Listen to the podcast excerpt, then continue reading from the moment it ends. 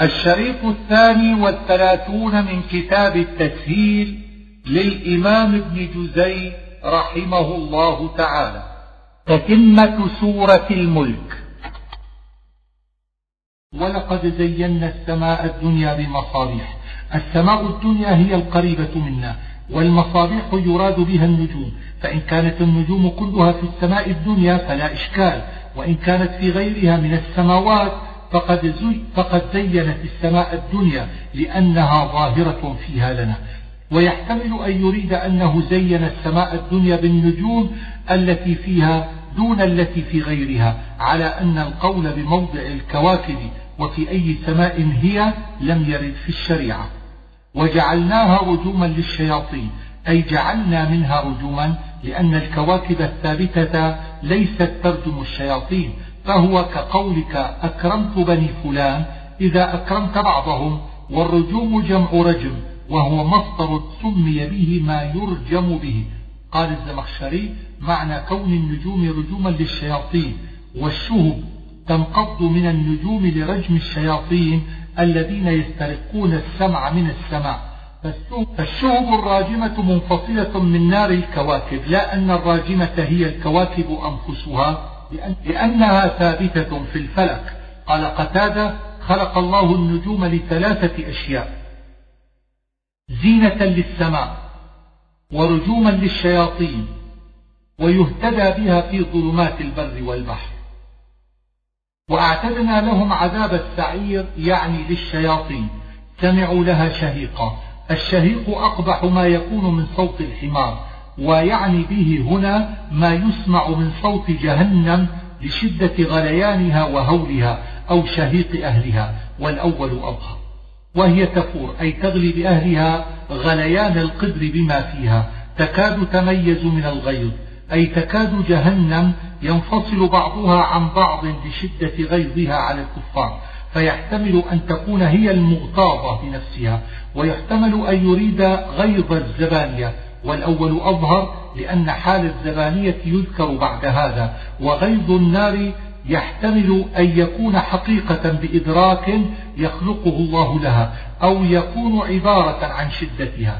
كلما ألقي فيها فوج أي كلما ألقي في جهنم جماعة من الكفار سألتهم الزبانية هل جاءكم من نذير أي رسول؟ وهذا السؤال على وجه التوبيخ وإقامة الحجة عليهم. ولذلك اعترفوا فقالوا بلى قد جاءنا نذير.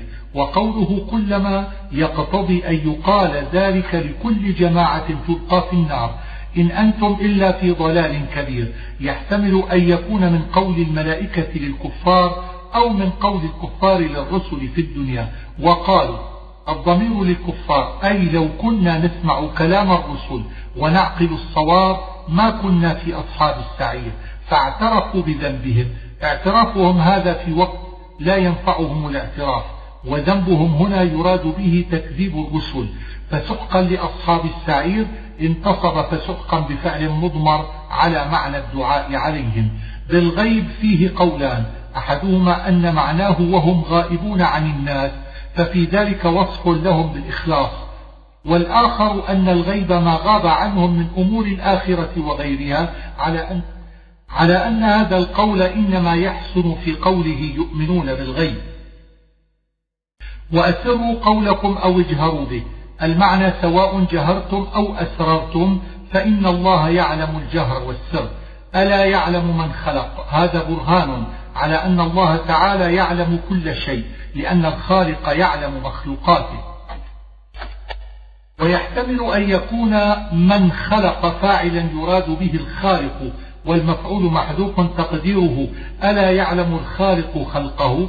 أو يكون من خلق مفعولا والفاعل مضمر تقديره ألا يعلم الله من خلق؟ والأول أرجح لأن من خلق إذا كان مفعولا اختص بمن يعقل. والمعنى الأول يعم من يعقل ومن لا يعقل. الأرض ذلولا. فعول هنا بمعنى مفعول أي مذلولة فهي كركوب وحلوب فامشوا في مناكبها. قال ابن عباس هي الجبال. وقيل الجوانب والنواحي. وقيل الطرق. والمعنى تعديد النعمة في تسهيل المشي على الأرض فاستعار لها الذل والمناكب تشبيها بالدواب. وإليه النشور. يعني البعث يوم القيامة. أأمنتم الآية مقصودها التهديد والتخويف للكفار وكذلك الآية التي بعدها. تمور ذكر في الطور. حاصبا يحتمل أن يريد حجارة أو ريحا شديدة. نذير بمعنى الإنذار وكذلك النكير بمعنى الإنكار. أولم يروا إلى الطير فوقهم صافات تنبيه على الاعتبار بطيران الطيور في الهواء من غير شيء يمسكها. وصافات جمع صافة وهي التي تبسط جناحها للطيران والقبض ضم الجناحين إلى الجنب وعطف يقبض على صافات لأن الفعل في معنى الاسم تقديره قابضات. فإن قيل لم لم يقل قابضات على طريقة صافات فالجواب أن بسط الجناحين هو الأصل في الطيران كما أن مد الأطراف هو الأصل في السباحة فذكر بصيغة اسم الفاعل لدوامه وكثرته. وأما قبض الجناحين فإنما يفعله الطائر قليلا للاستراحة والاستعانة فذكر بلفظ الفعل لقلته. أمن هذا الذي هو جند لكم خطاب للكفار على وجه التوبيخ والتهديد وإقامة الحجة عليهم ودخلت أم التي يراد بها الإنكار على من فأدغمت فيها وكذلك أمن هذا الذي يرزقكم والضمير في أمسك لله أي من يرزقكم إن منع الله رزقه بل لجوا أي تمادوا في العتو والنفور عن الإيمان أفمن يمشي مكبا على وجهه؟ الآية توقيف على الحالتين أيهما أهدى؟ والمراد بها توبيخ الكفار. وفي معناها قولان أحدهما أن المشي هنا استعارة في سلوك طريق الهدى والضلال في الدنيا والآخر أنه حقيقة في المشي في الآخرة لأن الكافر يحمل على المشي إلى جهنم على وجهه. فأما على القول الأول فقيل إن الذي يمشي مكبا أبو جهل والذي يمشي سويا سيدنا محمد صلى الله عليه وسلم. وقيل حمزة وقيل هي على العموم في كل مؤمن وكافر. وقد تمشي هذه الأقوال أيضا على الثاني. والمكب هو الذي يقع على وجهه. يقال أكب الرجل وكبه غيره فالمعدى دون همزة والقاصر بالهمزة بخلاف سائر الأفعال. ويقولون متى هذا الوعد؟ الضمير للكفار والوعد يراد به البعث أو عذابهم في الدنيا. فلما رأوه ضمير الفاعل للكفار وضمير المفعول للعذاب الذي يتضمنه الوعد. زلفة أي قريبا وقيل عيانا سيئت وجوه الذين كفروا أي ظهر بهم السوء لما حل بها.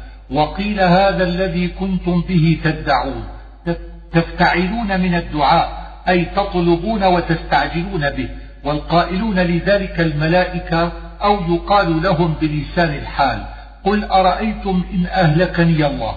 الآية سببها أن الكفار كانوا يتمنون هلاك النبي صلى الله عليه وآله وسلم والمسلمين فأمره الله أن يقول لهم إن أهلكني الله وأهلك من معي أو رحمنا فإنكم لا تنجون من العذاب الأليم على كل حال. والهلاك هنا يحتمل أن يراد به الموت أو غيره. ومعنى من يجير الكافرين من عذاب أليم من يمنعهم من العذاب. قل أرأيتم إن أصبح ماؤكم غورا؟ الآية احتجاج على المشركين والغور مصدر وصف به. فهو بمعنى غائر أي ذاهب في الأرض والمعين الكثير واختلف هل وزنه فعيل أو مفعول فالمعنى إن غار ماؤكم الذي تشربون هل يأتيكم غير الله بماء معين؟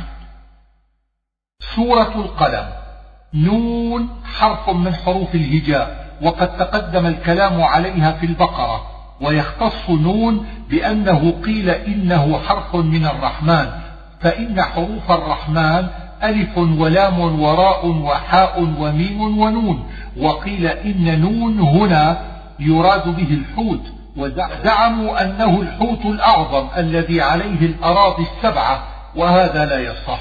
على, على أن نون بمعنى الحوت معروف في اللغة ومنه ذو النون وقيل إن نون هنا يراد به الدواء وهذا غير معروف في اللغة. ويبطل قول من قال إنه الحوت أو الدواء لأنه لو كان كذلك لكان معربا بالرفع أو النصب أو الخفض ولكان في آخره تنوين فكونه موقوفا دليل على أنه حرف هجاء نحو ألف لام ميم وغيره من حروف الهجاء الموقوفة. والقلم وما يسطرون. اختلف فيه على قولين أحدهما أنه القلم الذي كتب به اللوح المحفوظ فالضمير في يسطرون للملائكة. والآخر أنه القلم المعروف عند الناس أقسم الله به لما فيه من المنافع والحكم والضمير في يسطرون على هذا لبني آدم. ما أنت بنعمة ربك بمجنون؟ هذا جواب القسم وهو خطاب لمحمد صلى الله تعالى عليه وآله وسلم معناه نفي نسبة الكفار له من الجنون وبنعمة ربك اعتراض بين ما وخبرها كما تقول أنت بحول الله أفضل والمجرور في موضع الحال. وقال الزمخشري إن العامل فيه بمجنون غير ممنون ذكر في فصلت وإنك لعلى خلق عظيم هذا ثناء على خلق رسول الله. صلى الله عليه وآله وسلم. قالت عائشة رضي الله عنها كان خلق رسول الله صلى الله عليه وآله وسلم القرآن. تعني التأدب بآدابه وامتثال أوامره. وعبر ابن عباس عن الخلق بالدين والشرع. وذلك أن رسول الله صلى الله تعالى عليه وعلى آله وسلم جمع كل فضيلة وحاز كل خصلة جميلة فمن ذلك شرف النسب ووفور العقل وصحة الفهم وكثرة العلم وشدة الحياء وكثرة العبادة والسخاء والصدق والشجاعة والصبر والشكر والمروءة والتودد والاقتصاد والزهد والتواضع والشفقة والعدل والعفو وكظم الغيظ وصلة الرحم وحسن المعاشرة وحسن التدبير وفصاحة اللسان وقوة الحواس وحسن الصورة وغير ذلك حسبما ورد في أخباره وسيره صلى الله عليه وآله وسلم ولذلك قال عليه الصلاة والسلام بعثت لأتمم مكارم الأخلاق. قال الجنيد سمي خلقا عظيما لأنه لم تكن له همة سوى الله عز وجل. فستبصر ويبصرون بأيكم المفتون. قيل إن المفتون هنا بمعنى المجنون ويحتمل غير ذلك من معاني الفتنة. والخطاب في قوله فستبصر للنبي صلى الله عليه وسلم. وفي قوله ويبصرون لكفار قريش واختلف في الباء التي بأيكم على أربعة أقوال. الأول أنها زائدة الثاني أنها غير زائدة والمعنى بأيكم الفتنة فأوقع المفتون موقع الفتنة كقولهم ما له معقول أي عقل. الثالث أن الباء بمعنى في والمعنى في أي فريق منكم المفتون واستحسن ابن عطية هذا. الرابع الرابع أن المعنى بأيكم فتنة المفتون ثم حذف المضاف وأقام المضاف إليه مقامة. ودوا لو تدهنوا فيدهنون. المداهنة هي الملاينة والمداراة فيما لا ينبغي. وروي أن الكفار قالوا للنبي صلى الله عليه وسلم لو عبدت آلهتنا لعبدنا إلهك فنزلت الآية. ولم ينتصب فيدهنون في جواب التمني بل رفعه بالعطف على تدهن قاله ابن عطية. وقال الزمخشري هو خبر مبتدأ محذوف تقديره فهم يدهنون. حلاف كثير الحلف في الحق والباطل. مهين هو الضعيف الرأي والعقل. قال ابن عطية هو من مهن إذا ضعف. فالميم فاء الفعل وقال الزمخشري هو من المهانة وهي الذلة والحقارة وقال ابن عباس المهين الكذاب. هماز هو الذي يعيب الناس مشاء بنميم أي كثير المشي بالنميمة. يقال نميم ونميمة بمعنى واحد. قال رسول الله صلى الله عليه وسلم لا يدخل الجنة نمام. مناع للخير أي شحيح. لأن الخير هنا هو المال. وقيل معناه مناع من الخير أي يمنع الناس من الإسلام والعمل الصالح. معتد هو من العدوان وهو الظلم. أثيم من الإثم وهو ارتكاب المحرمات. عتل أي غليظ الجسم قاسي القلب بعيد الفهم كثير الجهل. زنين أي ولد زنا. وقيل هو الذي في عنقه زنمة كزنمة الشاة التي تعلق في حلقها. وقيل معناه مريب قبيح الأفعال. وقيل ظلوم وقيل لئيم. وقوله بعد ذلك أي بعد ما ذكرنا من عيوبه. فهذا الترتيب في الوصف لا في الزمان. واختلف في الموصوف بهذه الأوصاف الذميمة. فقيل لم يقصد بها شخص معين بل كل من اتصف بها. وقيل المقصود بها الوليد بن المغيرة لأنه وصفه بأنه ذو مال وبنين وكذلك كان. وقيل أبو جهل وقيل الأخنس بن شريق ويؤيد هذا أنه كانت له زنمة في عنقه. قال ابن عباس عرفناه بزنمته وكان لقيطا من ثقيف ويعد في بني زهرة فيصح وصفه بزنين على القولين. وقيل الأسود بن عبد يغوث. أن كان ذا مال وبنين في موضع مفعول من أجله يتعلق بقوله لا تطع أي لا تطعه بسبب كثرة ماله وبنيه. ويجوز أن يتعلق بما بعده. والمعنى على هذا أنه قال في القرآن أساطير الأولين لأنه ذو مال وبنين يتكبر بماله وبنيه. والعامل في أن كان على هذا فعل من المعنى. ولا يجوز أن يعمل فيه قال الذي هو جواب إذا لأن ما بعد الشرط لا يعمل فيما قبله والأول أظهر وقد تقدم معنى أساطير الأولين. سنسمه على الخرطوم. أصل الخرطوم أنف السبع. ثم استعير للإنسان استخفافا به وتقبيحا له. والمعنى نجعل له سمة وهي العلامة على خرطومه. واختلف في هذه السمة. قيل هي الضربة بالسيف يوم بدر. وقيل علامة من نار تجعل على أنفه في جهنم وقيل علامة تجعل على أنفه يوم القيامة ليعرف بها.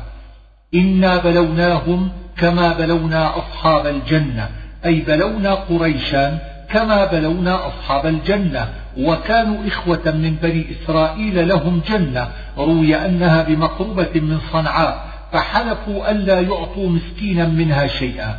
وباتوا عازمين على ذلك فأرسل الله على جنتهم طائفا من نار فأحرقتها فلما أصبحوا إلى جنتهم لم يروها فحسبوا أنهم أخطأوا الطريق ثم تبينوها فعرفوها وعلموا أن الله عاقبهم فيها بما قالوا فندموا وتابوا إلى الله.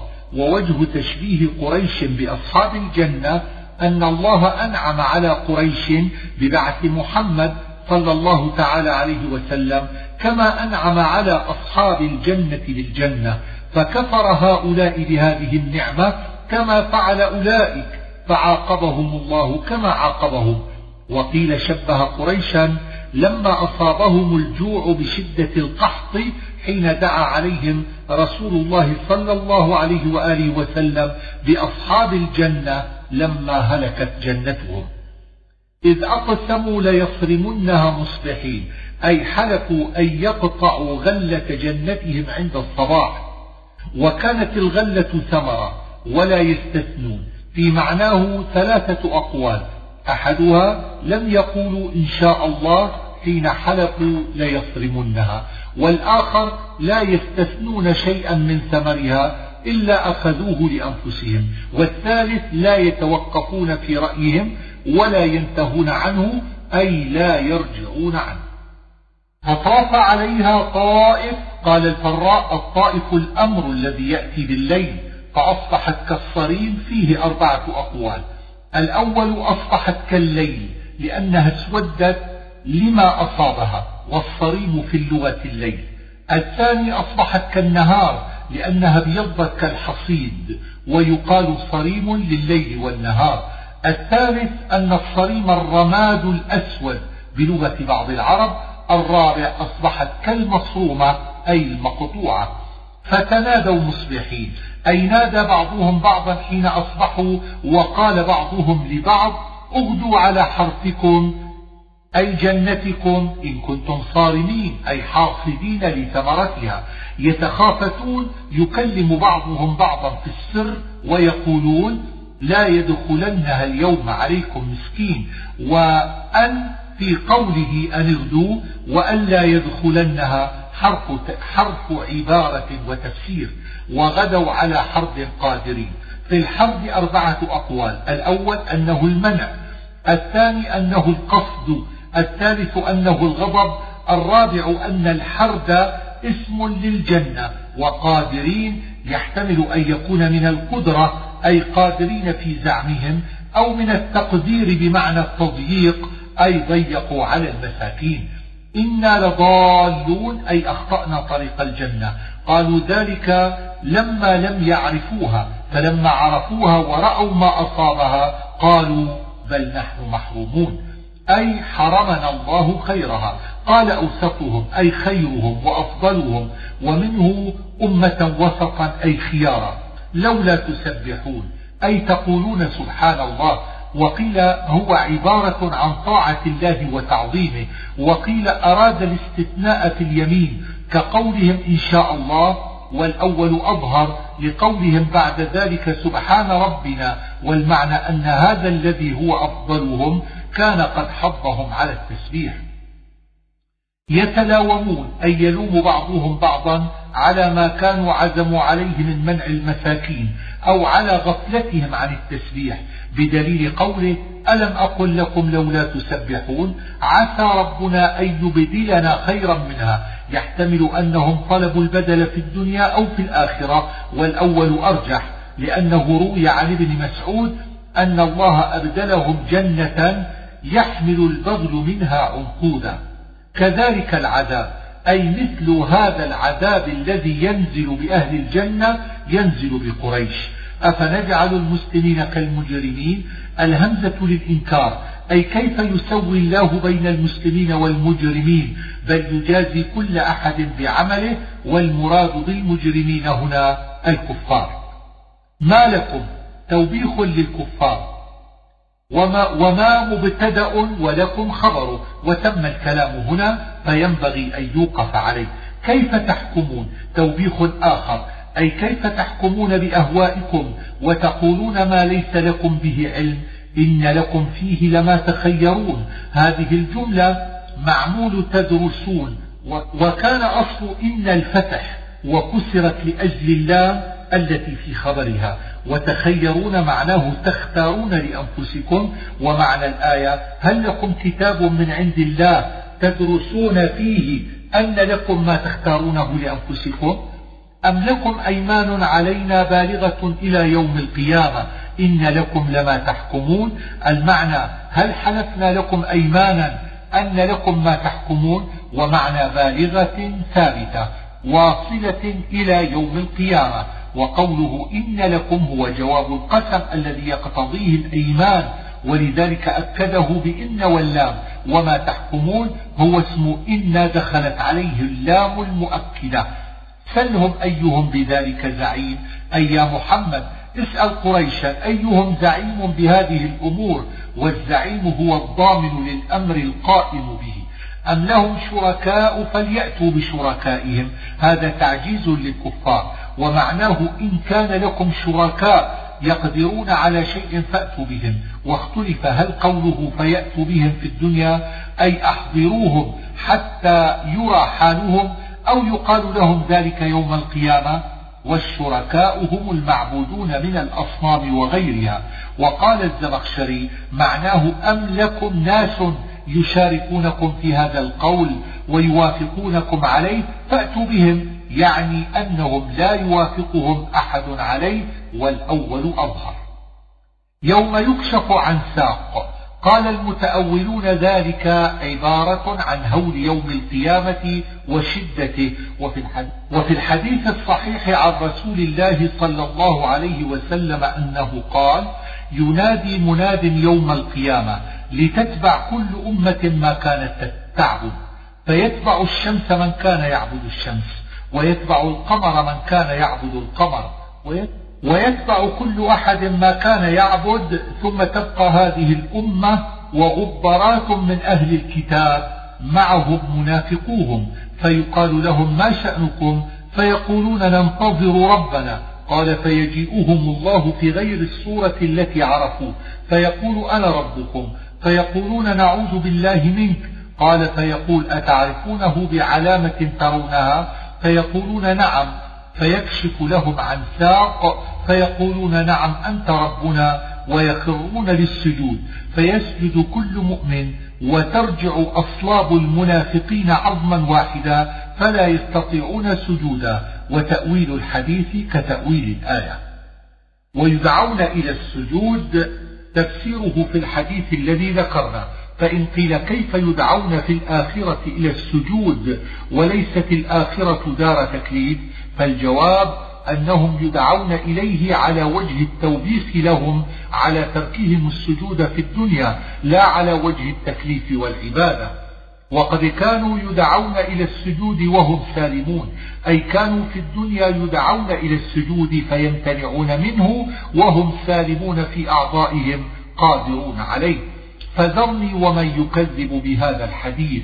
تهديد للمكذبين بالقرآن وإعراب من يكذب مفعول معه أو معطوف وقد ذكرنا في الأعراف سنستدرجهم وما بعده. أم تسألهم أجرا؟ معناه أنت لا تسألهم أجرة على الإسلام فتثقل عليهم فلا عذر لهم في تركهم الإسلام. وقد فسرنا هذا وما بعده في الطور. فاصبر يقتضي مسالمة للكفار نسخت بالسيف. ولا تكن كصاحب الحوت. هو يونس عليه السلام وسماه صاحب الحوت لأن الحوت ابتلعه وهو أيضا ذو النون والنون هو الحوت. وقد ذكرنا قصته في الأنبياء والصافات. فنهى الله محمدا صلى الله عليه وسلم أن يكون مثله في الضجر والاستعجال حين ذهب مغاضبا.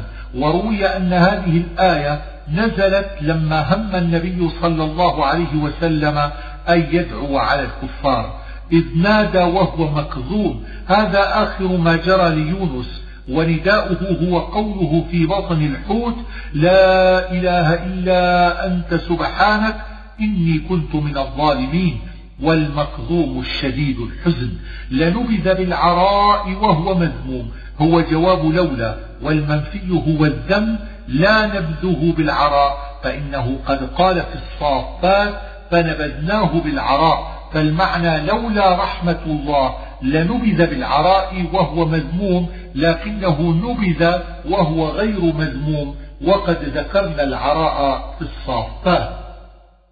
وإن يكاد الذين كفروا ليزلقونك بأبصارهم عبارة عن شدة عداوتهم. وإن مخففة من الثقيلة بدليل دخول اللام وليزلقونك معناه يهلكونك. كقولك نظر فلان إلى عدوه نظرة كاد يصرع وأصله من زلق القدم. وقرئ بفتح الياء وضمها وهما لغتان وقيل إن المعنى يأخذونه بالعين وكان ذلك في بني أسد. كان الرجل منهم يجوع ثلاثة أيام فلا يتكلم على شيء إلا أصابه بالعين. فأراد بعضهم أن يصيب النبي صلى الله عليه وسلم فعصمه الله من ذلك. وقال الحسن دواء من أصيب بالعين قراءة هذه الآية. وما هو إلا ذكر للعالمين يعني القرآن أو هو موعظة وتذكير للخلق. سورة الحاقة.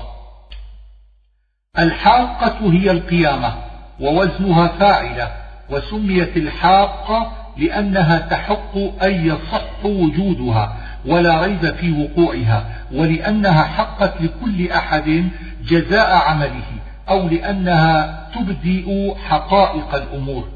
ما الحاقة ما استفهامية يراد بها التعظيم وهي مبتدأ وخبرها ما بعده والجملة خبر الحاقة وكان الأصل الحاقة ما هي؟ ثم وضع الظاهر موضع المضمر زيادة في التعظيم والتهويل. وكذلك وما أدراك ما الحاقة لفظه استفهام والمراد به التعظيم والتهويل. بالقارعة هي القيامة. سميت بذلك لأنها تقرع القلوب بأهوالها. بالطاغية يعني الصيحة التي أخذت ثمود وسميت بذلك لأنها جاوزت الحد في الشدة. وقيل الطاغية مصدر فكأنه قال أهلكوا بطغيانهم فهو كقوله كذبت ثمود بطغواها وقيل هي صفة لمحذوف تقديره أهلكوا بسبب الفعلة الطاغية أو الفئة الطاغية والباء على هذين القولين سببية وعلى القول الأول كقولك قتلت زيدا بالسيف بريح صرصر عاتية ذكر في فصلت. وعاتية أي شديدة وسميت بذلك لأنها عتت على عاد وقيل عتت على خزانها فخرجت بغير إذنهم. سخرها عليهم سبع ليال. روي أنها بدت صبيحة يوم الأربعاء لثمان بقين من شوال وتمادت بهم إلى آخر يوم الأربعاء تكملة الشهر.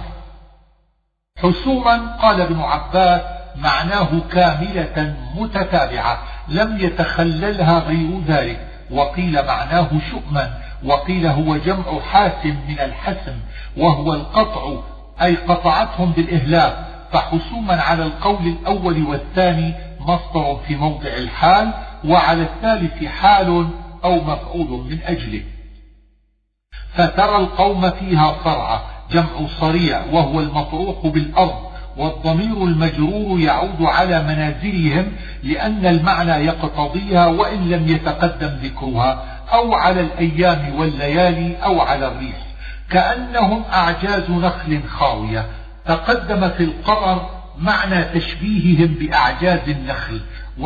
والخاوية هي التي خلت من طول بلائها وفسادها. من باقية أي من بقية. وقيل من فئة باقية. وقيل إنه مصدر بمعنى البقاء. ومن قبله يريد من تقدم قبله من الأمم الكافرة وأقربهم إليه قوم شعيب. والظاهر أنهم المراد لأن عادا وثمود قد ذكرا وقوم لوط هم المؤتفكات. وقوم نوح قد أشير إليهم في قوله لما طغى الماء حملناكم في الجارية وقرئ بكسر القاف وفتح الباء ومعناه جنده وأتباعه. بالخاطئة إما أن يكون مصدرا بمعنى الخطيئة أو صفة لمحذوف تقديره بالفعلة الخاطئة. فعصوا رسول ربهم إن عاد الضمير على فرعون وقومه فالرسول موسى عليه السلام وإن عاد على المؤتفكات فالرسول لوط عليه السلام وإن عاد على الجميع فالرسول اسم جنس أو بمعنى الرسالة. رابية أي عظيمة وهي من قولك ربى الشيء إذا كثر. طغى الماء عبارة عن كثرته فيحتمل أن يريد أنه طغى على أهل الأرض أو على خزانه يعني وقت طوفان نوح عليه السلام. حملناكم في الجارية هي السفينة فإن أراد سفينة نوح فمعنى حملناكم حملنا آباءكم لأن كل من على الأرض من ذرية نوح وأولاده الثلاثة الذين كانوا معه في السفينة. وإن أراد جنس السفن فالخطاب على حقيقته لنجعلها لكم تذكرة الضمير للفعل وهي الحمل في السفينة وقيل للسفينة فإن أراد جنس السفن فالمعنى أنها تذكرة بقدرة الله ونعمته لمن ركب أو سمع بها. وإن أراد سفينة نوح فقد قيل إن الله أبقاها حتى رأى بعض عيدانها أول هذه الأمة وتعيها أذن واعية. الضمير يعود على ما عاد عليه ضمير لنجعلها وهذا يقوي أن يكون للفعل والأذن الواعية هي التي تفهم ما تسمع وتحفظ. يقال وعيت العلم إذا حصلت ولذلك عبر بعضهم عنها بأنها التي عقلت عن الله. وروي أن رسول الله صلى الله عليه وسلم قال لعلي بن أبي طالب إني دعوت الله أن يجعلها أذنك يا علي. قال علي فما نسيت بعد ذلك شيئا سمعته.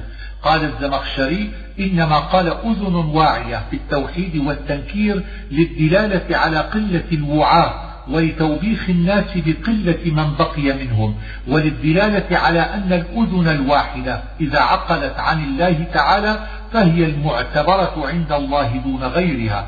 نفخة واحدة يعني نفخة الصور وهي الأولى فدكتا الضمير للأرض والجبال ومعنى دكتا ضرب بعضها ببعض حتى تندق. وقال الزمخشري الدك أبلغ من الدق. وقيل معناه بسطت حتى تستوي الأرض والجبال. وقعت الواقعة أي قامت القيامة. وقيل وقعت صخرة بيت المقدس وهذا ضعيف. وهي أي مسترخية ساقطة القوة. ومنه قولهم دار واهية أي ضعيفة الجدران. والملك على أرجائها. الملك هنا اسم جنس والأرجاء الجوانب واحدها رجا مقصور والضمير يعود على السماء. والمعنى أن الملائكة يكونون يوم القيامة على جوانب السماء لأنها إذا وهيت وقفوا على أطرافها وقيل يعود على الأرض لأن المعنى يقتضيه وإن لم يتقدم ذكرها. وروي في ذلك أن الله يأمر الملائكة فتقف صفوفا على جوانب الأرض والأول أظهر وأشهر. ويحمل عرش ربك فوقهم يومئذ ثمانية. قال ابن عباس هي ثمانية صفوف من الملائكة لا يعلم أحد عدتهم. وقيل ثمانية أملاك رؤوسهم تحت العرش وأرجلهم تحت الأرض السابعة. ويؤيد هذا ما روي عن رسول الله صلى الله عليه وسلم أنه قال هو اليوم أربعة فإذا كان يوم القيامة قواهم الله بأربعة سواهم. يومئذ تعرضون خطاب لجميع العالم والعرض البعث أو الحساب خافية أي حال خافية من الأعمال والسرائر ويحتمل المعنى لا يخفى من أجسادهم لأنهم يحشرون حفاة عراة فأما من أوتي كتابه بيمينه الكتاب هنا صحائف الأعمال. هاء اقرأوا كتابية. هاء اسم فعل.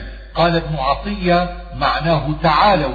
وقال الزمخشري هو صوت, هو صوت يفهم منه معنى خذ. وكتابية مفعول يطلبه هاء واقرأوا. من ضمير المعنى تقديره هاء كتابا اقرأوا كتابي. ثم حذف لدلالة الآخر عليه وعمل فيه العامل الثاني وهو قرأوا عند البصريين. والعامل الأول هو هاء عند الكوفيين. والدليل على صحة قول البصريين أنه لو عمل الأول لقال اقرأوه والهاء في كتابية للوقف وكذلك في حسابية ومالية وسلطانية وكان الأصل أن تسقط في الوصل لكنها ثبتت فيه مراعاة لخط المصحف وقد أسقطها في الوصل بعضهم ومعنى الآية أن العبد الذي يعطى كتابه بيمينه يقول للناس اقرأوا كتابيه على وجه الاستبشار والسرور بكتابه. إني ظننت الظن هنا بمعنى اليقين راضية أي ذات رضا كقولهم تامر لصاحب التمر. قال ابن عطية ليست بياء اسم الفاعل. وقال الزمخشري يجوز اسم فاعل نسب الفعل إليها مجازا وهو لصاحبها حقيقة. قطوفها جمع قطف وهو ما يجتنى من الثمار ويقطف كالعنقود. دانية أي قريبة.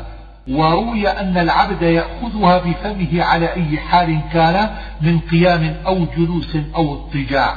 أسلفتم أي قدمتم من الأعمال الصالحة في الأيام الخالية أي الماضية يعني أيام الدنيا. أما من أوتي كتابه بشماله هم الكفار بدليل قوله إنه كان لا يؤمن بالله العظيم فجعل علة إعطائهم كتبهم بشمالهم عدم إيمانهم. وأما المؤمنون فيعطون كتبهم بأيمانهم. لكن اختلف في من يدخل النار منهم. هل يعطى كتابه قبل دخول النار أو بعد خروجه منها؟ وهذا أرجح لقوله هاء اقرأوا كتابية لأن هذا كلام السرور فيبعد أن يقول من يحمل إلى النار. فيقول يا ليتني لم أوت كتابيا أي يتمنى أنه لم يعط كتابه. وقال ابن عطية يتمنى أن يكون معدوما لا يجري عليه شيء والأول أظهر. يا ليتها كانت القاضية أي ليت الموتة الأولى كانت القاضية بحيث لا يكون بعدها بعث ولا إحياء. ما أغنى عني مالية ما أغنى عني مالية يحتمل أن يكون نفيا أو استفهاما يراد به النفي. هلك عني سلطانية أي زال عني ملكي وقدرتي وقيل ذهبت عني حجتي.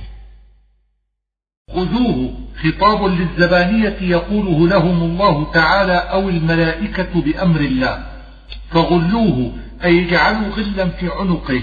وروي أنها نزلت في أبي جهل. ذرعها سبعون ذراعا معنى ذرعها أي طولها. واختلف في هذا الذراع فقيل إنه الذراع المعروف وقيل بذراع الملك وقيل في الذراع سبعون باعا كل باع ما بين مكة والكوفة. ولله ذر الحسن البصري في قوله الله أعلم بأي ذراع هي وجعلها سبعين ذراعا لإرادة وصفها بالطول فإن السبعين من الأعداد التي تقصد بها العرب التكثير ويحتمل أن تكون هذه السلسلة لكل واحد من أهل النار أو تكون بين جميعهم وقد حكى الثعلبي ذلك.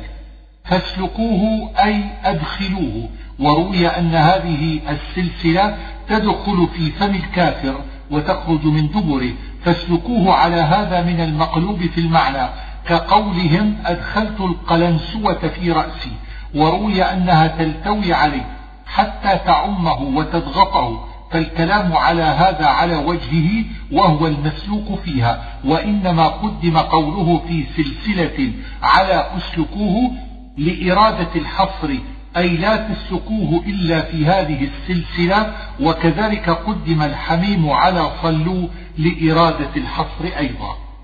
طعام المسكين. يحتمل أنه أراد إطعام مسكين. فوضع الاسم موضع المضمر أو يقدر لا يحض على بذل طعام المسكين. وأضاف الطعام إلى المسكين لأن إليه نسبة. ووصفه بأنه لا يحض على طعام المسكين يدل على أنه لا يطعمه من باب أولى. وهذه الآية تدل على عظم الصدقة وفضلها لأنه قرن منع طعام المسكين بالكفر بالله. فليس له اليوم هنا حميم. فيه قولان. أحدهما ليس له صديق والآخر ليس له شراب ولا طعام إلا من غسلين. فإن الحميم الماء الحار والغسلين صديد أهل النار عند ابن عباس. وقيل شجر يأكله أهل النار. وقال اللغويون هو ما يجري من الجراح إذا غسلت وهو فعلين من الغسل. الخاطئون جمع خاطئ وهو الذي يفعل ضد الصواب متعمدا والمخطئ الذي يفعله بغير تعمد. فلا أقسم لا زائدة غير نافية بما تبصرون وما لا تبصرون يعني جميع الأشياء لأنها, لأنها تنقسم إلى ما يبصر وما لا يبصر. كالدنيا والآخرة والإنس والجن والأجسام والأرواح وغير ذلك. إنه لقول رسول كريم. هذا جواب القسم والضمير للقرآن والرسول الكريم جبريل وقيل لمحمد عليه الصلاة والسلام. قليلا ما تؤمنون. قال ابن عطية يحتمل أن تكون ما نافية فنفى إيمانهم بالجملة أو تكون مصدرية فوصف إيمانهم بالقلة وقال الزمخشري القلة هنا بمعنى العدم أي لا تؤمنون ولا تذكرون البتة. ولو تقول علينا بعض الأقاويل التقول هو أن ينسب إلى أحد ما لم يقل.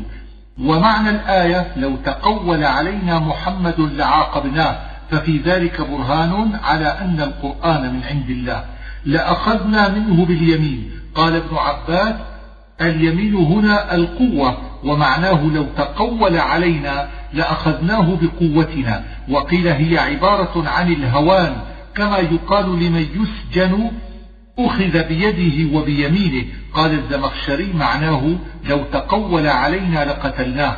ثم صور صورة القتل ليكون أهول وعبر عن ذلك بقوله لأخذنا منه باليمين لأن السياف إذا أراد أن يضرب المقتول في جسده أخذ بيده اليمنى ليكون ذلك أشد عليه لنظره إلى السيف. الوتين نياط القلب وهو عرق إذا قطع مات صاحبه فالمعنى لقتلناه. فما منكم من أحد عنه حاجزين الحاجز المانع والمعنى لو عاقبناه لم يمنعه أحد منكم ولم يدفع عنه وإنما جمع حاجزين لأن أحد في معنى الجماعة. وإنه لتذكرة الضمير للقرآن وقيل لمحمد صلى الله عليه وآله وسلم والأول أظهر. وإنه لحسرة على الكافرين أي حسرة عليهم في الآخرة لأنهم يتأسفون إذا رأوا ثواب المؤمنين. وإنه لحق اليقين. قال الكوفيون هذا من إضافة الشيء إلى نفسه كقولك مسجد الجامع. وقال الزمخشري المعنى عين اليقين ومحض اليقين. وقال ابن عطية ذهب الحذاق إلى أن الحق مضاف إلى الأبلغ من وجوهه. سورة المعارج. سأل سائل بعذاب واقع. من قرأ سائل بالهمز احتمل معنيين. أحدهما أن يكون بمعنى الدعاء أي دعا داع بعذاب واقع. وقد تكون الإشارة إلى قول الكفار أمطر علينا حجارة من السماء وكان الذي قالها النضر, النضر بن الحارث. والآخر أن يكون بمعنى الاستخبار أي سأل سائل عن عذاب واقع والباء على هذا بمعنى عن وتكون الإشارة إلى قوله متى هذا الوعد وغير ذلك. وأما من قرأ سال بغير همز فيحتمل وجهين أحدهما أن يكون مخففا من المهموز فيكون فيه المعنيان المذكوران. والثاني أن يكون من سال السيل إذا جرى ويؤيد ذلك قراءة ابن عباس سال سيل وتكون الباء على هذا كقولك ذهبت بزيد. وإذا كان من السيل احتمل وجهين أحدهما أن يكون شبه العذاب في شدته وسرعة وقوعه بالسيل وثانيهما أن تكون حقيقة. قال زيد بن ثابت في جهنم واد يقال له سائل فتلخص من هذا أن في القراءة بالهمز يحتمل معنيين وفي القراءة بغير همز أربعة معان. للكافرين يحتمل أن يتعلق بواقع وتكون اللام بمعنى على أو تكون صفة للعذاب أو يتعلق بسأل إذا كانت بمعنى دعا أي دعا للكافرين بعذاب أو تكون مستأنفا كأنه قال هو للكافرين. من الله يحتمل أن يتعلق بواقع أي واقع من عند الله أو بدافع أي ليس له دافع من عند الله أو يكون صفة للعذاب أو مستأنفا. ذي المعارج جمع معرج وهو المصعد إلى علو كالسلم والمدارج التي يرتقى بها.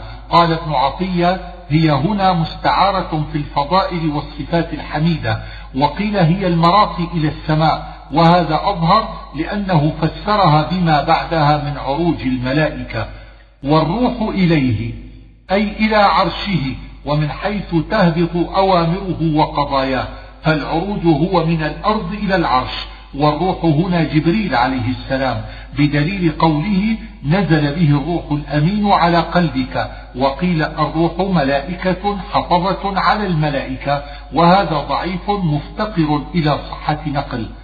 وقيل الروح جنس أرواح الناس وغيرهم. في يوم كان مقداره خمسين ألف سنة. اختلف في هذا اليوم على قولين. أحدهما أنه يوم القيامة والآخر أنه في الدنيا والصحيح أنه يوم القيامة. لقول رسول الله صلى الله عليه وسلم في حديث مانع الزكاة ما من صاحب ذهب ولا فضة لا يؤدي زكاتها إلا صفحت له صفائح من نار يقوى بها جبينه وجنبه وظهره في يوم كان مقداره خمسين ألف سنة حتى يقضى بين العباد يعني يوم القيامة. ثم اختلف هل مقداره خمسون ألف سنة حقيقة وهذا هو الأظهر أو هل وصف بذلك لشدة أهواله كما يقال يوم طويل إذا كان فيه مصائب وهموم؟ وإذا قلنا إنه في الدنيا فالمعنى أن الملائكة والروح يعرجون في يوم لو عرج فيه الناس لعرجوا في خمسين ألف سنة وقيل الخمسون ألف سنة هي مدة الدنيا والملائكة تعرج وتنزل في هذه المرة وهذا كله على أن يكون قوله في يوم يتعلق بتعرج ويحتمل أن يكون في يوم صفة للعذاب. فيتعين أن يكون اليوم يوم القيامة والمعنى على هذا مستقيم. فاصبر. هذا متصل بما قبله من العذاب وغيره. أي يصبر على أقوال الكافرين حتى يأتيهم العذاب. ولذلك وصفه بالقرب مبالغة في تسلية النبي صلى الله عليه وسلم. إنهم يرونه بعيدا. يحتمل أن يعود الضمير على العذاب أو على اليوم الذي مقداره خمسون ألف سنة. والبعيد يحتمل أن يراد به بعد الزمان أو بعد الإمكان. وكذلك القرب يحتمل أن يراد به قرب الزمان لأن كل آت قريب ولأن الساعة قد قربت وقرب, وقرب الإمكان لقدرة الله عليه. يوم, يوم تكون السماء كالمهل. يوم هنا بدل من يوم كان مقداره خمسين ألف سنة أو بدل من الضمير المنصوب في نراه أو منصوب بقوله قريبا أو بقوله يود المجرم أو بفعل مضمر تقديره اذكر والمهل هو دردي الزيت. شبه السماء به في سوادها وانكدار أنوارها يوم القيامة. وقيل هو ما أذيب من الفضة ونحوها شبه السماء به في تلونه. تكون الجبال كالعهن. العهن الصوف. شبه الجبال به في انتفاشه وتخلخل أجزائه وقيل هو الصوف المصبوغ ألوانا. فيكون التشبيه في الانتفاش وفي اختلاف الألوان لأن الجبال منها بيض وسود وحمر. ولا يسأل حميم حميمة الحميم هنا الصديق والمعنى لا يسأل أحد من حميمه نصرة ولا إعانة لعلمه أنه لا يقدر له على شيء. وقيل لا يسأله عن حاله لأن كل أحد مشغول بنفسه. يبصرونهم يقال بصر الرجل بالرجل إذا رآه وبصرته إياه بالتشديد إذا رأيته إياه. والضميران يعودان على الحميمين لأنهما في معنى الجمع. والمعنى أن كل حميم يبصر حميمه يوم القيامة. فيراه ولكنه لا يسأله وصاحبته يعني امرأته وفصيلته يعني القرابة الأقربين.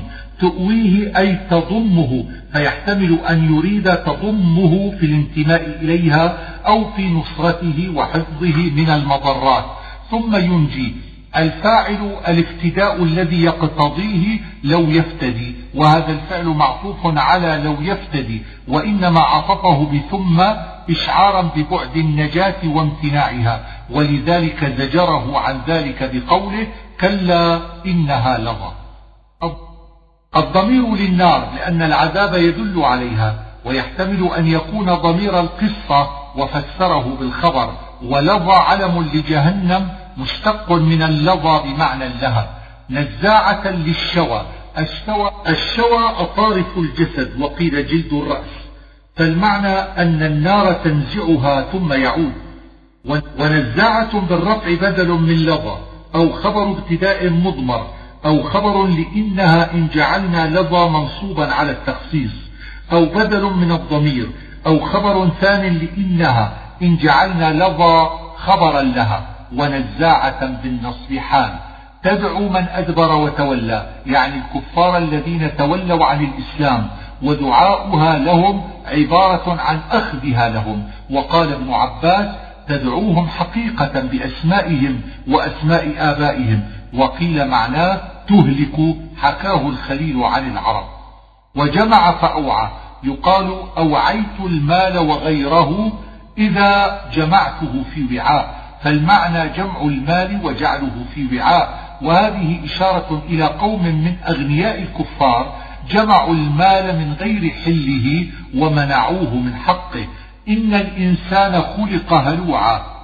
الإنسان هنا اسم جنس بدليل الاستثناء منه. سئل, سئل أحمد بن يحيى مؤلف الفصيح عن الهلوع فقال قد فسره الله فلا تفسير أبين من تفسيره وهو قوله إذا مسه الشر جزوعا وإذا مسه الخير منوعا.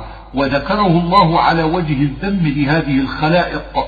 ولذلك استثنى منه المصلين لأن صلاتهم تحملهم على قلة الاكتراث بالدنيا. فلا يجزعون من شرها ولا يبخلون بخيرها. الذين هم على صلاتهم دائمون. الدوام عليها هو المواظبة بطول العمر والمحافظة عليها المذكورة بعد ذلك هي أداؤها في أوقاتها وتوفية الطهارة لها. حق, حق معلوم. قد ذكرنا في الذاريات معنى حق والسائل والمحروم. ووصفه هنا بالمعلوم. إن أراد الزكاة فهي معلومة المقدار شرعا. وإن أراد غيرها فمعنى المعلوم أن العبد يجعل على نفسه وظيفة معلومة عنده. غير مأمون أي لا يكون أحد آمنا منه فإن الأمن من عذاب الله حرام فلا ينبغي للعبد أن يزيل عنه الخوف حتى يدخل الجنة لأماناتهم وعهدهم. ذكر في المؤمنين وكذلك لفروجهم حافظون والذين هم بشهادتهم قائمون. قال ابن عباس شهادة لا إله إلا الله وأن محمدا رسول الله. وقال الجمهور يعني الشهادة عند الحكام. ثم اختلف على هذا في معنى القيامة بها فقيل هو التحقيق لها كقوله صلى الله عليه وآله وسلم على مثل الشمس فاشهدوا. وقيل هو المبادرة إلى أدائها من غير امتناع فأما إن دعي الشاهد إلى الأداء فهو واجب عليه. وأما إذا لم يدع إلى الأداء فالشهادة على ثلاثة أقسام أحدها حقوق الناس فلا يجوز أداؤها حتى يدعوه صاحب الحق إلى ذلك والثاني حقوق الله التي يستدام فيها التحريم كالطلاق والعتق والأحباس فيجب أداء الشهادة بذلك دعي أو لم يدع. الثالث حقوق الله التي لا يستدام فيها التحريم كالحدود فهذا ينبغي ستره حتى يدعى إليه.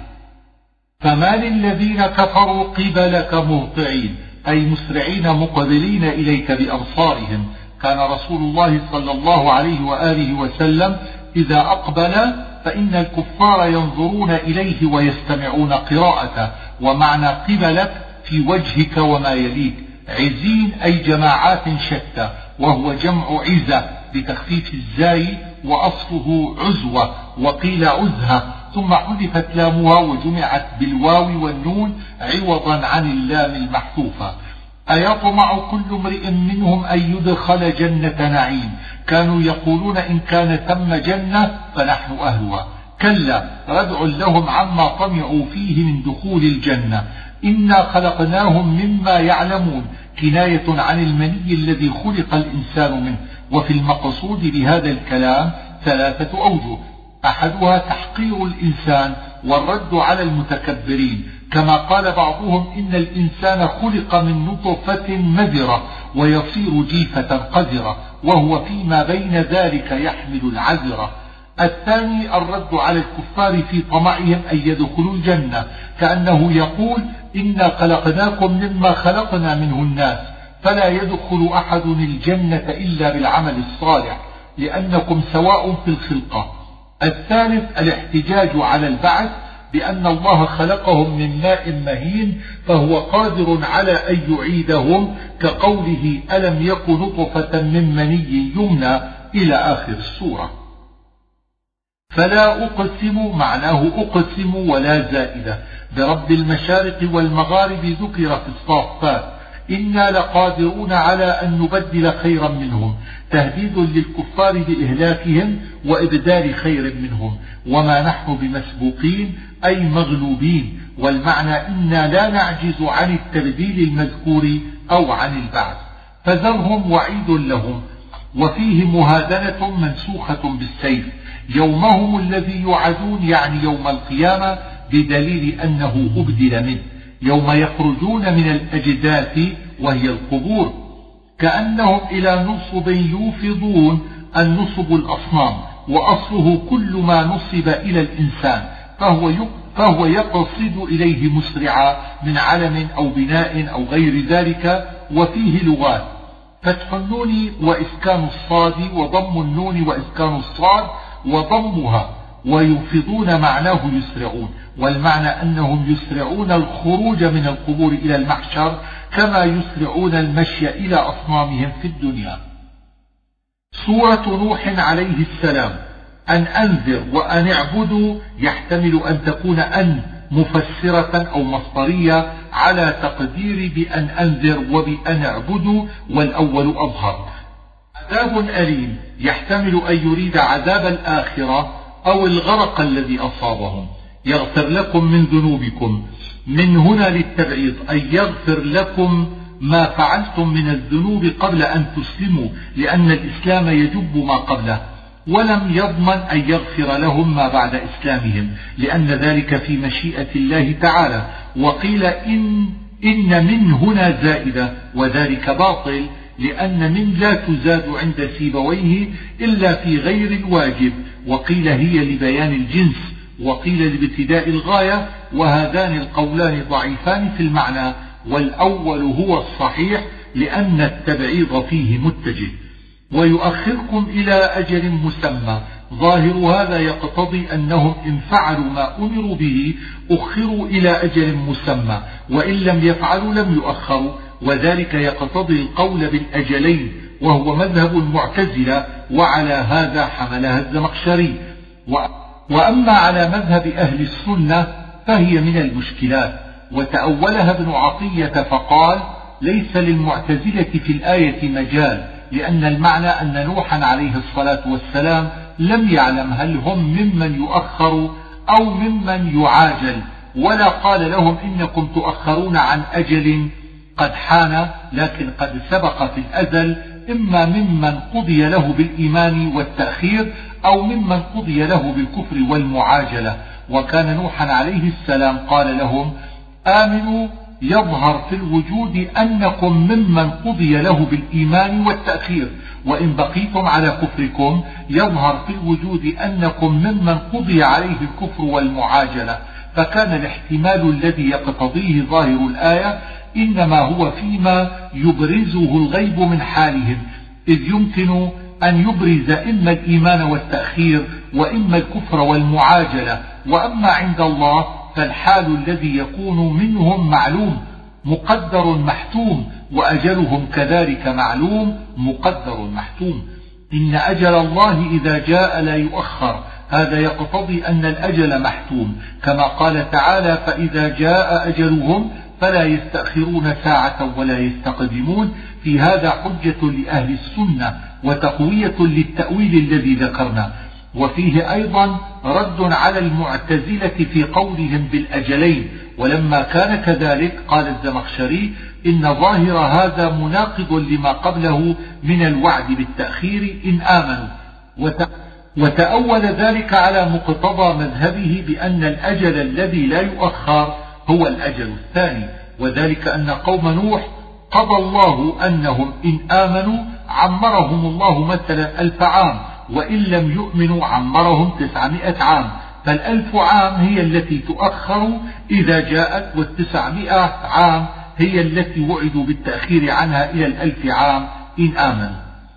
دعوتهم لتغفر لهم أي دعوتهم ليؤمنوا فتغفر لهم فذكر المغفرة التي هي سبب عن الإيمان ليظهر قبح إعراضهم عنه فإنهم أعرضوا عن سعادتهم جعلوا أصابعهم في آذانهم فعلوا ذلك لئلا يسمعوا كلامه فيحتمل أنهم فعلوا ذلك حقيقة أو يكون عبارة عن إفراط إعراضهم حتى كأنهم فعلوا ذلك واستغشوا ثيابهم أي جعلوها غشاوة عليهم لئلا يسمعوا كلامه أو لئلا يراهم ويحتمل أنهم فعلوا ذلك حقيقة أو يكون عبارة عن إعراضهم وأصروا أي داوموا على كفرهم. دعوتهم جهارة إعراب جهارة مصدر من المعنى كقولك قعد القرفصاء أو صفة لمصدر محذوف تقديره دعا جهارا أو مصدر في موضع الحال أي مجاهرة. ثم إني أعلنت لهم وأسرت لهم إسرارا. ذكر, ذكر أولا أنه دعاهم بالليل والنهار ثم ذكر أنه دعاهم جهارا ثم ذكر أنه جمع بين الجهر والإسرار. وهذه غاية الجد في النصيحة وتبليغ الرسالة. صلى الله عليه وسلم. قال ابن عطية الجهار دعاؤهم في المحافل ومواضع اجتماعهم والإسرار دعاء كل واحد منهم على حدة يرسل السماء عليكم مدرارا مفعول من الدر وهو كثرة الماء وفي الآية دليل على أن الاستغفار يوجب نزول الأمطار. ولذلك خرج عمر بن الخطاب إلى الاستسقاء فلم, فلم يزد على أن استغفر ثم انصرف. فقيل له ما رأيناك استسقيت؟ فقال والله لقد استسقيت أبلغ الاستسقاء ثم نزل المطر. وشكى رجل إلى الحسن الجدب فقال له استغفر الله. ما لكم لا ترجون لله وقارا. فيه أربع تأويلات. أحدهما أن الوقار بمعنى التوقير والكرامة. فالمعنى ما لكم لا ترجون أن يوقركم الله في دار ثوابه. قال ذلك الزمخشري. وقوله لله على هذا بيان للموقر ولو تأخر لكان صفة لوقار. والثاني أن الوقار بمعنى التؤدة والتثبت والمعنى ما لكم لا ترجون لله وقارا متثبتين حتى تتمكنون من النظر بوقاركم. وقوله لله على هذا مفعول دخلت عليه اللام كقولك ضربت لزيد وإعراب وقارا على هذا مصدر في موضع الحال. الثالث أن الرجاء هنا بمعنى الخوف والوقار بمعنى العظمة والسلطان. فالمعنى ما لكم لا تخافون عظمة الله وسلطانه ولله على هذا صفة للوقار في المعنى. الرابع أن الرجاء بمعنى الخوف والوقار بمعنى الاستقرار من قولك وقر بالمكان إذا استقر فيه. والمعنى ما لكم لا تخافون الاستقرار في دار القرار إما في الجنة أو النار. وقد خلقكم أطوارا أي طورا بعد طور يعني أن الإنسان كان نطفة ثم علقة ثم مضغة إلى سائر أحواله وقيل الأطوار الأنواع المختلفة فالمعنى أن الناس على أنواع في ألوانهم وأخلاقهم وألسنتهم وغير ذلك. طباقا ذكر في الملك وجعل القمر فيهن نورا القمر إنما هو في السماء الدنيا وساغ أن يقول فيهن لما كان في إحداهن فهو في الجميع كقولك فلان في الأندلس إذا كان في بعضها والشمس في السماء الرابعة وقيل في الخامسة وجعل القمر نورا والشمس سراجا لأن ضوء السراج أقوى من النور فإن السراج هو الذي يضيء فيبصر به والنور قد يكون أقل من ذلك. والله أنبتكم من الأرض نباتا هذا عبارة عن إنشائهم من تراب الأرض.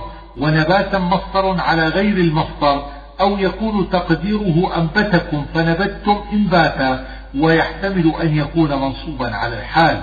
ثم يعيدكم فيها يعني بالدفن ويخرجكم إخراجا يعني بالبعث من القبور.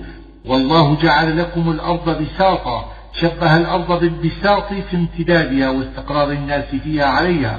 وأخذ بعضهم من لفظ البساط بأن الأرض بسيطة غير كروية خلافا لما ذهب إليه أهل التعديل وفي ذلك نظر. سبل امتجاج ذكر في الأنبياء. واتبعوا من لم يزده ماله وولده إلا خسارة. يعني اتبعوا أغنياءهم وكبراءهم. وقرئ ولده بفتحتين. وولده بضم الواو وسكون اللام وهما بمعنى واحد. ومكروا مكرا كبارا. الكبار بالتشديد أبلغ من الكبار بالتخفيف والكبار بالتخفيف أبلغ من الكبير. وقالوا لا تذرن آلهتكم أي وصى بعضهم بعضا بذلك. ولا تذرن ودا ولا سواعا. هذه أسماء أصنامهم. كان قوم نوح يعبدونها. وروي أنها أسماء رجال صالحين كانوا في صدر الدنيا فلما ماتوا صورهم أهل ذلك العصر من حجارة وقالوا ننظر إليها لنتذكر أعمالهم الصالحة فهلك ذلك الجيل وكثر تعظيمهم من بعدهم بتلك الصور حتى عبدوها من دون الله ثم انتقلت تلك الأصنام بأعيانها وقيل بل الأسماء فقط إلى قبائل العرب. فكان ود لكلب بدومة الجندل وكان سواع لهذيل وكان يغوث لمراد وكان يعوق لهمدان وكان نسر لذي الكلاع من حمير وقرئ ودا بفتح الواو وضمها وهما لغتان. وقد أضلوا كثيرا. الضمير للرؤساء من قوم نوح والمعنى أضلوا كثيرا من أتباعهم. وهذا من كلام نوح عليه السلام. وكذلك لا تزد الظالمين إلا ضلالا من كلامه وهو دعاء عليهم. وقال الزمخشري إنه معطوف على قوله رب إنهم عصوني والتقدير قال رب إنهم عصوني. وقال لا تزد الظالمين إلا ضلالا مما خطيئاتهم أغرقوا. هذا من كلام الله إخبار عن أمرهم وما زائدة للتأكيد. وإنما قدم هذا المجرور للتأكيد أيضا ليبين أن إغراقهم وإدخالهم النار إنما كان بسبب خطاياهم وهي الكفر وسائر المعاصي.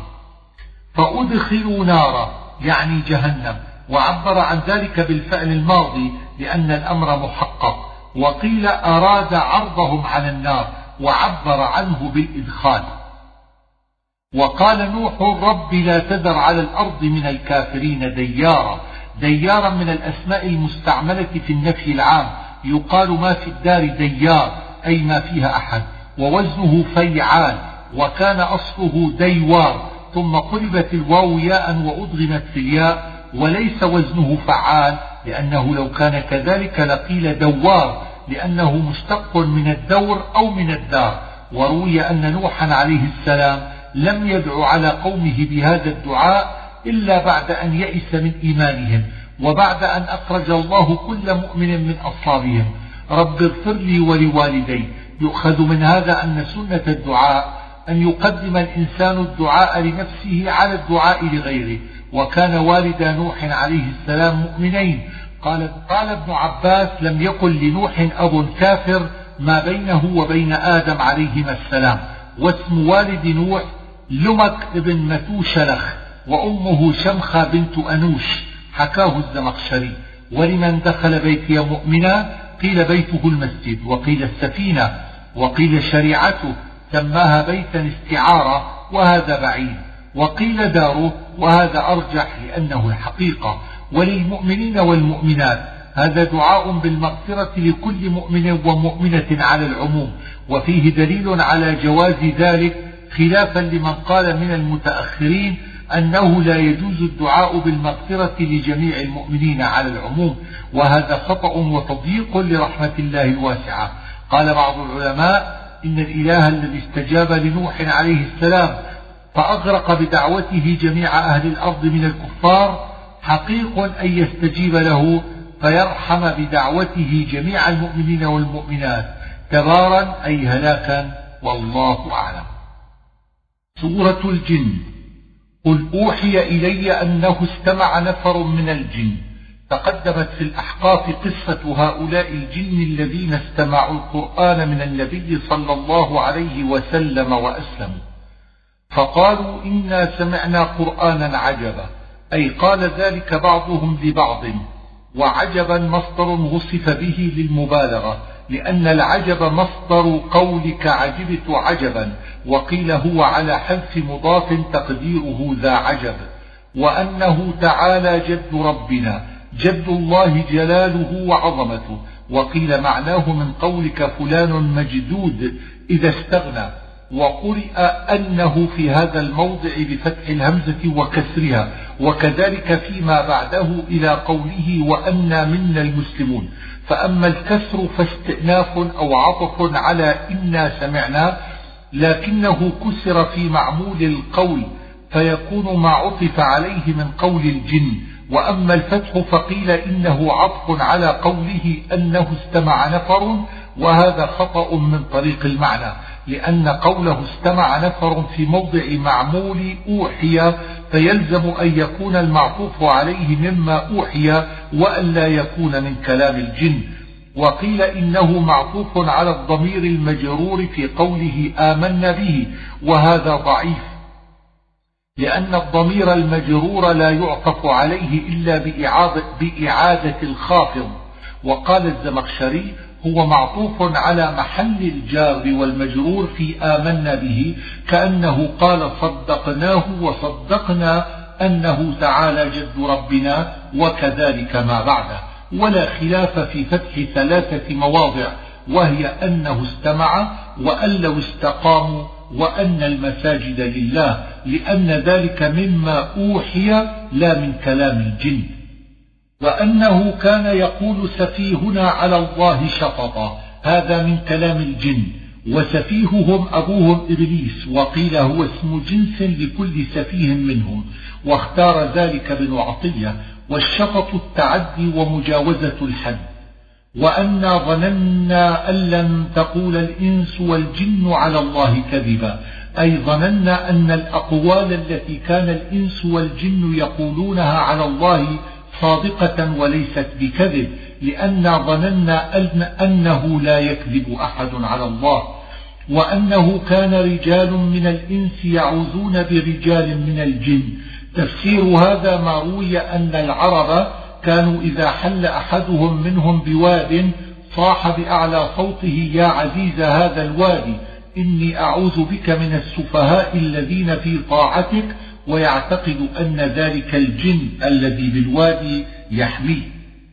فزادوهم رهقا ضمير الفاعل للجن وضمير المفعول للإنس. والمعنى أن الجن زادوا الإنس ضلالا وإثما لما عادوا بهم أو زادوهم تخويفا لما رأوا ضعف عقولهم. وقيل ضمير الفاعل للإنس وضمير المفعول للجن والمعنى أن الإنس زادوا الجن تكبرا وطغيانا لما عادوا بهم حتى كان الجن يقول أنا سيد الجن والإنس وأنهم ظنوا كما ظننتم أن لن يبعث الله أحدا. الضمير في ظن لكفار الإنس وظننتم خطاب الجن بعضهم لبعض. فالمعنى أن كفار الإنس والجن ظنوا أن لن يبعث الله أحدا. والبعث هنا يحتمل أن يريد به بعث الرسل أو البعث من القبور. وأنا لمسنا الماء فوجدناها ملئت حرسا شديدا وشهبا. هذا إخبار عما حدث عند مبعث النبي صلى الله عليه وسلم من منع الجن من استراق السمع من السماء ورجمهم. واللمس المس واستعير هنا للطلب. والحرس اسم مفرد في معنى الحراس كالخدم في معنى الخدام ولذلك وصف بشديد وهو مفرد ويحتمل أن يريد به الملائكة الحراس أو النجوم الحارسة وكرر الشهب لاختلاف اللفظ. وأنا كنا نقعد منها مقاعد للسمع المقاعد جمع مقعد وقد فسر رسول الله صلى الله عليه وسلم صورة قعود الجن أنهم كانوا واحدا فوق واحد فمتى أحرق الأعلى طلع الذي تحته مكانه فكانوا يسترقون الكلمة فيلقونها إلى الكهان ويزيدون معها ثم يزيد الكهان للكلمة مئة كذبة فمن يستمع الآن يجد له شهابا رصدا الرصد اسم جمع للراصد كالحرس للحارس. وقال ابن عطية هو مصدر وصف به ومعناه منتظر. قال بعضهم إن رمي الجن بالنجوم إنما حدث بعد مبعث النبي صلى الله عليه وسلم. واختار ابن عطية والزمخشري أنه كان قبل المبعث قليلا ثم زاد بعد المبعث وكثر حتى منع الجن من استراق السمع بالكلية. والدليل أنه كان قبل المبعث قول رسول الله صلى الله عليه وسلم لأصحابه وقد رأى كوكبا انقض ما كنتم تقولون لهذا في الجاهلية؟ قالوا كنا نقول ولد ملك أو مات ملك. فقال رسول الله صلى الله عليه وسلم ليس الأمر كذلك. ثم وصف استراق الجن بالسمع وقد ذكر شعراء الجاهلية ذلك في أشعارهم. وأنا لا ندري أشر أريد بمن في الأرض. الآية. قال ابن عطية معناه لا ندري أيؤمن الناس بهذا النبي فيرشدوا أو يكفرون به فينزل بهم الشر. وقال الزمخشري معناه لا ندري هل أراد الله بأهل الأرض خيرا أو شرا من عذاب أو رحمة أو من خذلان أو من توفيق. وأنا منا الصالحون ومنا دون ذلك. أي منا قوم دون ذلك فحذف الموصوف وأراد به الذين ليس صلاحهم كاملا أو الذين ليس لهم صلاح فإن دون قد تكون بمعنى أقل أو بمعنى غير. كنا طرائق قددا الطرائق المذاهب والسير وشبهها والقدد المختلفة وهو جمع قدة. وهذا بيان للقسمة المذكورة قبل وهو على حذف مضاف أي كنا ذوي طرائق. وأنا ظننا أن لن نعجز الله في الأرض. الظن هنا بمعنى العلم. وقال ابن عطية هذا إخبار منهم عن حالهم بعد إيمانهم ويحتمل أن يكونوا اعتقدوا هذا الاعتقاد قبل إسلامهم. سمعنا الهدى يعنون القرآن فلا يخاف بخسا ولا رهقا. البخس النقص والظلم والرهق تحمل ما لا يطاق. وقال ابن عباس البخس نقص الحسنات والرهق الزيادة في السيئات. ومنا القاسطون يعني الظالمين يقال قسط الرجل إذا جار وأقسط بالألف إذا عدل. وها هنا انتهى ما حكاه الله من كلام الجن. وأما قوله فمن أسلم فأولئك تحروا رشدا يحتمل أن يكون من بقية كلامهم أو يكون ابتداء كلام الله تعالى وهو الذي اختاره ابن عطية. وأما قوله وأن لو استقاموا فهو من كلام الله باتفاق وليس من كلامهم. تحروا أي قصدوا الرشد. وأن لو استقاموا على الطريقة لأسقيناهم ماء غدقا. الماء الغدق الكثير وذلك استعارة في توسيع الرزق والطريقة هي طريقة الإسلام وطاعة الله. فالمعنى لو استقاموا على ذلك لوسع الله أرزاقهم فهو كقوله ولو أن أهل القرى آمنوا واتقوا لفتحنا عليهم بركات من السماء والأرض وقيل هي طريقة الكفر والمعنى على هذا لو استقاموا على الكفر لوسع الله عليهم في الدنيا أملاكهم استدراجا ويؤيد هذا قوله لنفتنهم فيه والأول أظهر. والضمير في استقاموا يحتمل أن يكون للمسلمين أو للقاسطين المذكورين أو لجميع الجن أو للجن الذين سمعوا النبي صلى الله عليه وآله وسلم أو لجميع الخلق. لنفتنهم فيه. إن كانت الطريقة الإيمان والطاعة فمعنى الفتنة الاختبار هل يسلمون أو لا. وإن كانت الطريقة الكفر فمعنى الفتنة الإضلال والاستدراج. نسلكه عذابا صعدا معنى نسلكه ندخله الصعد الشديد المشقة وهو مصدر صعد يصعد ووصف بالمصدر للمبالغة. يقال فلان في صعد أي في مشقة وقيل صعد جبلا في النار. وأن المساجد لله. أراد المساجد على الإطلاق وهي بيوت عبادة الله. وروي أن الآية نزلت بسبب تغلب قريش على الكعبة. وقيل أراد الأعضاء التي يسجد عليها. واحدها مسجد بفتح الجيم وهذا بعيد. وعطف أن المساجد لله على أوحي إلي أنه استمع. وقال الخليل معنى الآية لأن المساجد لله فلا تدعوا مع الله أحدا أي لهذا السبب فلا تعبدوا غير الله. وأنه لما قام عبد الله يدعو. عبد الله هنا محمد صلى الله عليه وآله وسلم. ووصفه بالعبودية اختصاصا له وتقريبا وتشريفا. وقال الزمخشري أي إنه سماه هنا عبد الله ولم يقل الرسول أو النبي لأن هذا واقع في كلام رسول الله صلى الله عليه وسلم عن نفسه لأنه مما أوحي إليه. فذكر صلى الله عليه وآله وسلم نفسه على ما يقتضيه التواضع والتذلل. وهذا الذي قاله بعيد مع أنه إنما يمكن على قراءة أنه لما قام بفتح الهمزة فيكون عطفا على أوحي إلي أنه استمع. وأما على القراءة بالكسر على الاستئناف فيكون إخبارا من الله ومن جملة كلام الجن فيبطل ما قاله. كادوا يكونون عليه لبدا اللبد الجماعات واحدها لبدة. والضمير في كادوا يحتمل أن يكون للكفار من الناس أي كادوا يجتمعون على الرد وإبطال أمره أو يكون للجن الذين استمعوا أي كادوا يجتمعون عليه لاستماع القرآن والبركة به. ملتحدا أي ملجأ. إلا بلاغا بدل من ملتحدا أي لا أجد ملجأ إلا بلاغ الرسالة. ويحتمل أن يكون استثناء منقطعا. من الله قال الزمخشري هذا الجار والمجرور ليس بصلة البلاغ إنما هو بمعنى بلاغا كائنا من الله. ويحتمل عندي أن يكون متعلقا ببلاغة والمعنى بلاغ من الله. ورسالاته قال الزمخشري إنه معطوف على بلاغا كأنه قال إلا التبليغ والرسالة. ويحتمل أن يكون ورسالاته معطوفا على اسم الله. ومن يعص الله ورسوله فإن له نار جهنم خالدين فيها أبدا. جمع, جمع خالدين على معنى من يعصي لأنه في معنى الجمع.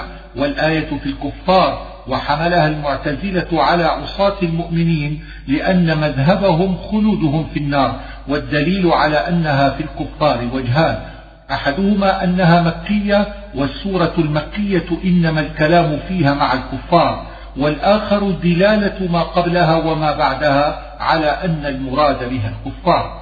حتى إذا رأوا ما يوعدون تعلقت حتى بقوله يكونون عليه لبدا وجعلت غاية لذلك والمعنى أنهم يكفرون ويتظاهرون عليه.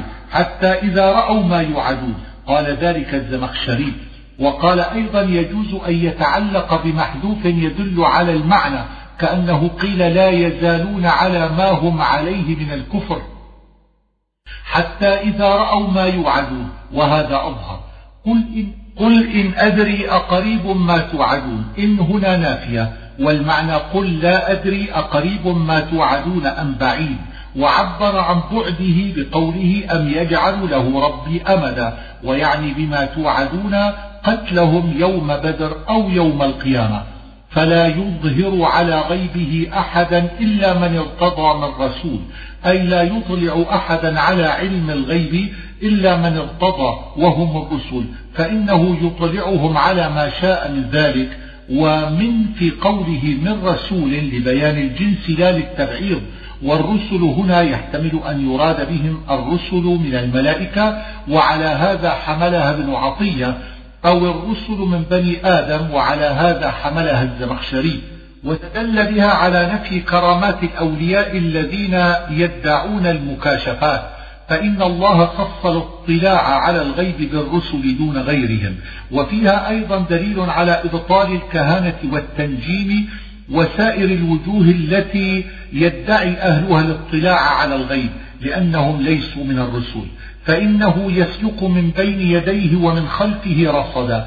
المعنى أن الله يسلك من بين الرسول ومن خلفه ملائكة يكونون رصدا يحفظونه من الشياطين. وقد ذكرنا رصدا في هذه السورة. قال بعضهم ما بعث الله رسولا إلا ومعه ملائكة يحرسونه حتى يبلغ رسالة ربه ليعلم أن قد أبلغوا رسالات ربهم. في الفاعل ليعلم ثلاثة أقوال. الأول أي ليعلم الله أن الرسل قد بلغوا رسالات ربهم أي يعلمه موجودا وقد كان علم ذلك قبل كونه. الثاني ليعلم محمد أن الملائكة الرصد أبلغوا رسالات ربهم. الثالث ليعلم من كفر أن الرسل قد بلغوا الرسالة. والأول أظهر وجمع الضمير في أبلغوا وفي ربهم حمل على المعنى لأن من ارتضى من رسول يراد به جماعة. وأحاط بما لديهم أي أحاط الله بما عند الرسل من العلوم والشرائع. وهذه الجملة معطوفة على قوله ليعلم لأن معناه أنه قد علم. قال ذلك ابن عطية. ويحتمل أن تكون هذه الجملة في موضع الحال. وأحصى كل شيء عددا. هذا عموم في جميع الأشياء. وعدد منصوب على الحال أو تمييز أو مصدر من معنى أحصى. سورة المزمل. يا أيها المزمل نداء للنبي صلى الله عليه وسلم. ووزن المزمل متفعل فأصله متزمل ثم سكنت التاء وأدغمت في الزاي. وفي تسمية النبي صلى الله عليه وسلم بالمزمل ثلاثة أقوال. أحدها أنه كان في وقت نزول الآية متزملا في كساء أو لحاف. والتزمل الالتفاف في الثياب بضم وتشمير. هذا قول عائشة والجمهور. والثاني أنه كان قد تزمل في ثيابه للصلاة. الثالث أن معناه المتزمل للنبوة أي المتشمر المجد في أمرها.